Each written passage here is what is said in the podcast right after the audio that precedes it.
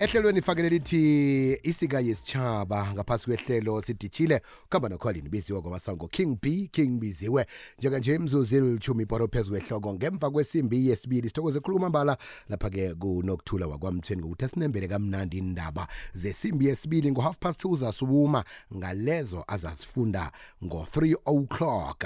Lihlelo sidishile siyakulotshisa nawe lapha-ke ku-tiktok live. Lihlelo ufakele lithi isika yesitshaba nekukulapho esicoca khona ngezinto ezithinta abantu bengubo izinto eh ekuba nentshijilo ezithinta ke abantu bengubo. Sikhulume nabo sikhulume ngabo.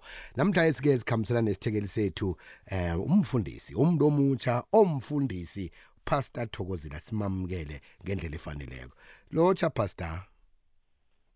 Akwande kusiwe. Ninjani? Siyaphila njani? Thokoza kakhulu kwambala ukuthola ithuba lokuthi sicoce nawe namhlanje si.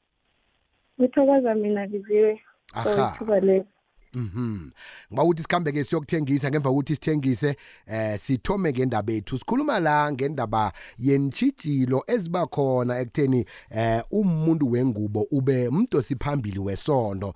Eh isafana nakadoka abantu bathi iyakafanele ukuthi uma kube nguye odosa phambili bandla. Kodwa ke uzasikhadula ngokuya phambili. Siyakumema ke nawe mlaleko kwez FM ukuthi uhlanganyele nathi eh sokucocisana nganasi indaba eh yenyanga yaboma njengoba nakuyinyanga yaboma nje sikhuluma nangaboma abadosa phambili emasondweni. Isika yesitshaba sikhwele phezu kwendaba ke nje isika yesitshaba sikhambisana nesithekeli upastor thokozile.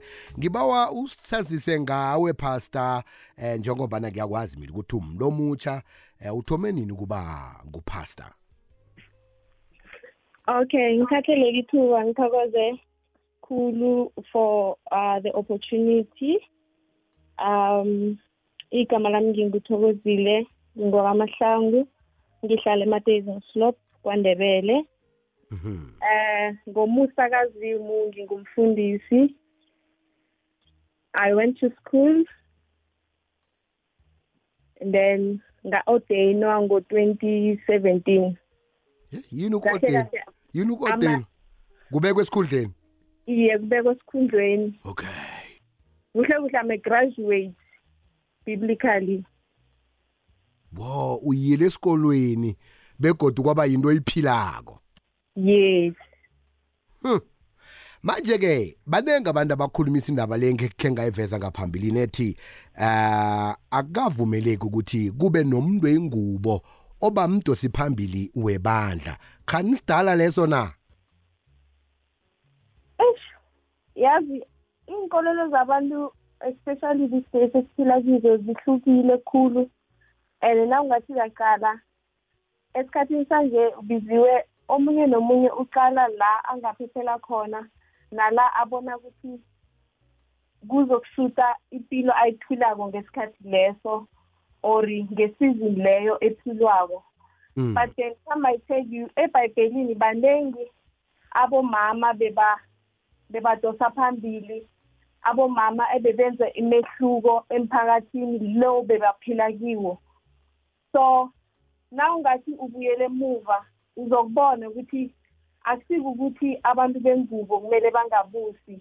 Nethi kumthetho thina njenge- njengendlu enzima esikhulele kiyo ukuthi umuntu wengubo nguye kumele abhawe down kusho ukuthi athobe alalele ubaba. Yabona izinto ezinjalo but then nawungathi uye ebhayibhelini baningi abantu bengubo ebebadosa phambili of which we can count abomaria aboruti bebakhona Mm. yeah allo um abantu laba abaquote amavesi ukuthi neBhayibhelini kuyachiwo lapho ukuthi akafanele akafaneleki ukuthi kube noma owongamela abobaba. Uthini ke ngaleyo? Yazibiziwe na ufunda ibhayibheli kubalulekile ukuthi uthome nge-chapter wazi ukuthi ivuthondaba ikuphi. Mm ukuthi into leyo ithoma kuphi? Ungayikhi And phezulu. Aski ngisho ukuthi ungayikhi phezulu ungayitholi lapho e- ekhuluma lokhu okufunwa nguwe nje kwaphela. Uthome nayo phasi. Exactly uthome nayo phasi. Lese mhlambe uzwe ukuthi ubiziwa uwenze sona sona so buyela emuva uyokuchecka ukuthi i-reason ukuthi ubiziwe enze lokho ngesikhathi leso bekuyini. So izinto eziningi ezenzakalako these days abantu bazikha phezulu Mm. bese-ke abatholi uku-understanda ukuthi kuhle kuhle bekwenzakalani kuhle kuhle uzimu mhlambe bekazama ukuveza ini entweni leyo ukuze ukuthi agcine kujamise umuntu wengubo or mhlambe ajamise ubaba endabeni leyo or esikhathini leso. Yazi njengoba nokhulumisa indaba yokuthi eh, uye esikolweni wayokufundela ukuba mfundisi wafunda eh, ama-biblical studies. Angicabanga ukuthi bebazanamukela nibabantu bengubo. Nayikhibe bebangafuni ukuthi abantu bengubo babe bafundisi nazi la- lapho ebuya ingibuyise khona ukuthi kanti bani- banithathelani ukuthi niyokufunda ekubeni angeze namukeleka ukuthi nibe baholi bamabandla ahlukahlukeneko? Yes and na ungathi uyaqala esikhathini esiningi abobaba when coming to izinto zekolo bebasemuvanyana than abomama. Mm.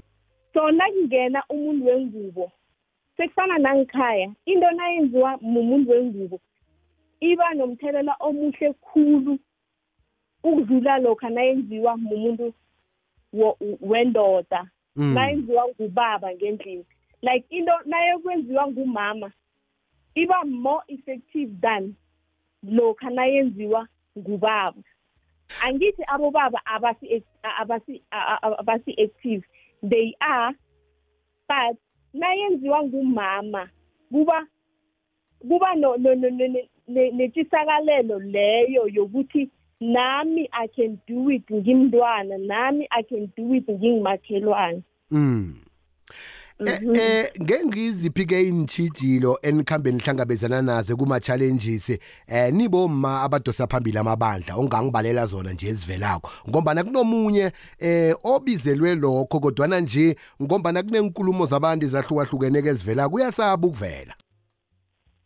Eish zona iintshijilo zinengikhulu aronana layi and eh, uyabona thina njengendlu enzima and sikhulele emakhaya sikhulisa bogogo sikhulisa bomalume sikhulisa bomakhelwane indaba ukuthi uthokozile azoba mfundisi kumele ngitshele umalume ngithi malume ngiba uvala amehlo malume uzima utsho sona sona sona so khona it's a challenge because izinto eziningi abadala kithi abazazi the way thina sizazi ngayo and bebangazifundi the way thina sizifunda ngayo ingqazelo zakhona bebangazitholi the way thina nje sizithola ngayo so kuba difficult ukuthi uhlalise umuntu omdala phasi uthi uzimu utsho sona sona so but ngokusizwa ngunkulunkulu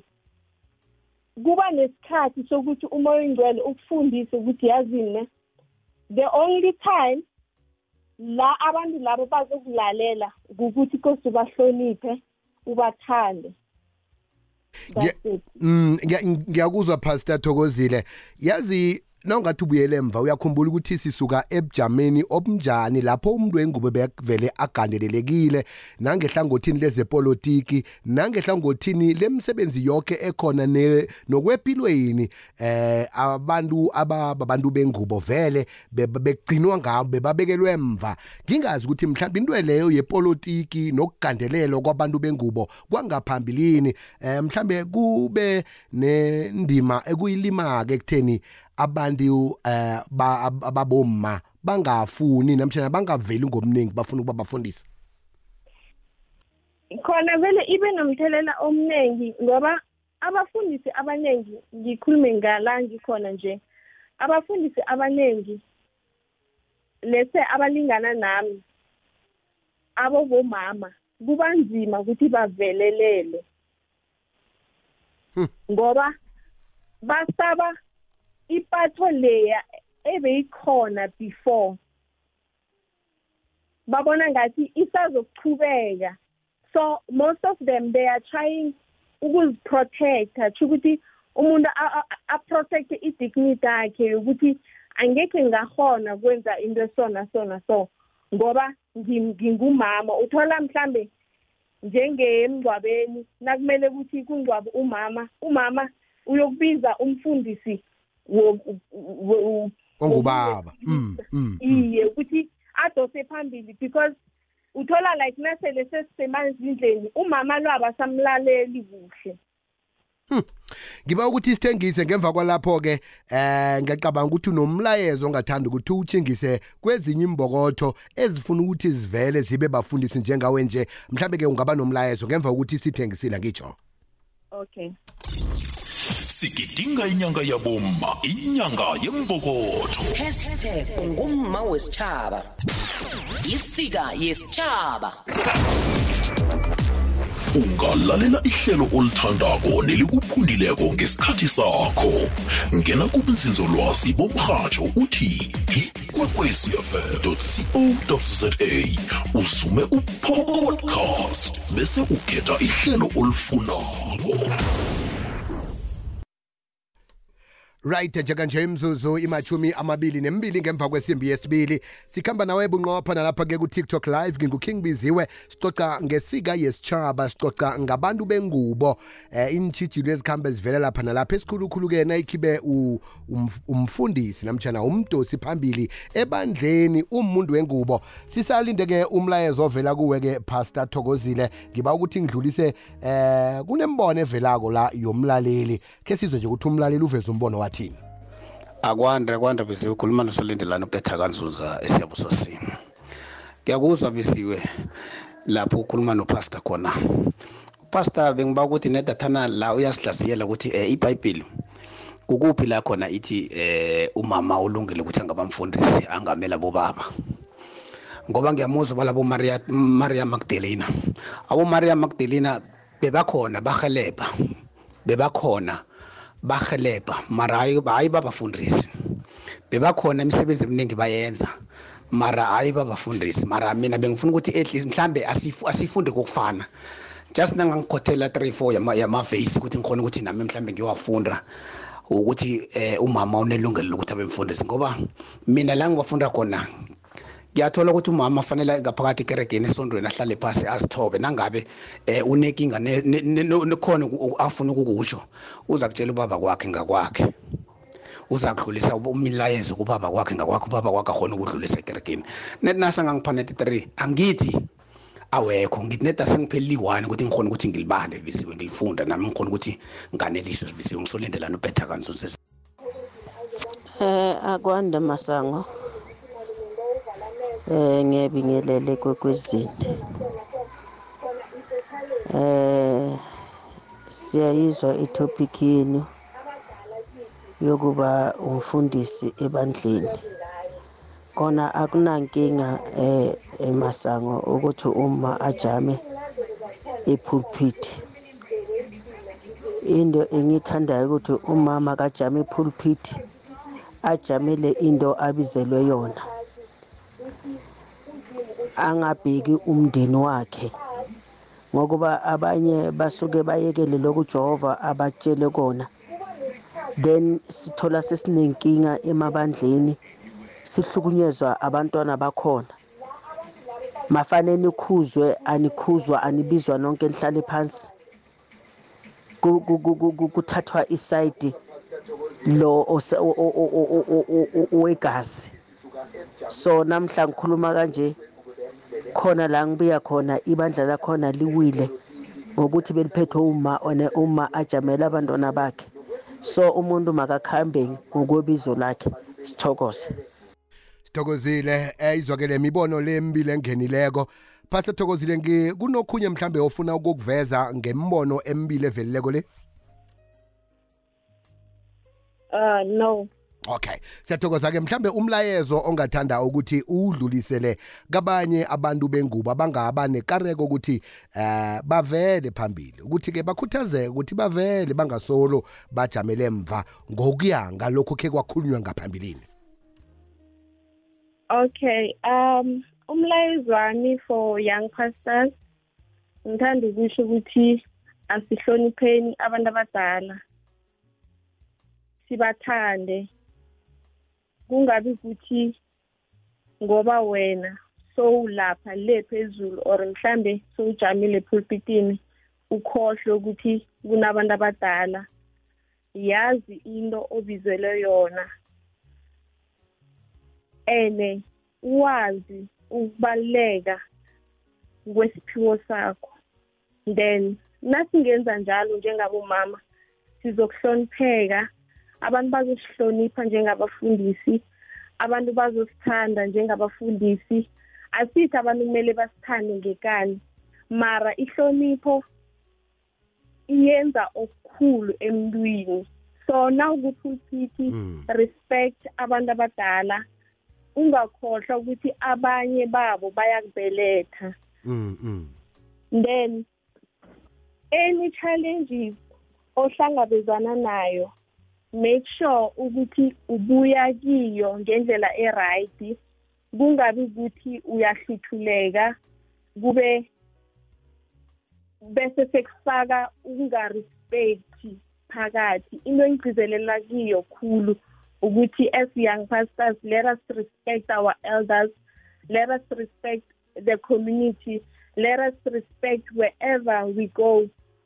Ukuthi sirespecte in a way ukuthi nalaba angakwazi khona ukuthi umholi or ungumfundisi babone ukuthi vele ungumfundisi ucotshiwe ubiziwe.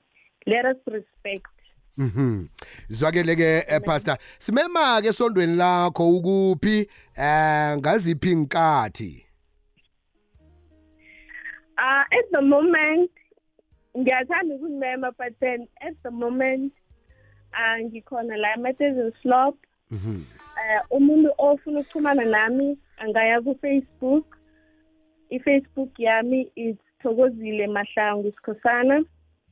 Then naku Instagram ngikhona nginguthokozile uthokozile underscore then umuntu futhi ofuna ukuxhumana nami angamana ngi-inboxele and then i will give all the details Pastor Thokozile sithokoze khulu kwamambala ukuthi sikhulumisane nawe namhlanje si eh siyathemba bona uzakuragela phambili ngemsebenzi emihle kasomnini othunyelwe yona ngitsho kuthokoza mina. Sithokoza khulu kwamambala. Besikhulumisana naye ngupastor thokozile mahlangu eh umuntu omutsha begoda umfundisi. Besicoca ngendaba yoku yokuthi-ke ngengiziphi intshijilo abafundisi abasesebatsha baboma abahlangabezana nazo njengabafundisi bengubo amalanganyana la.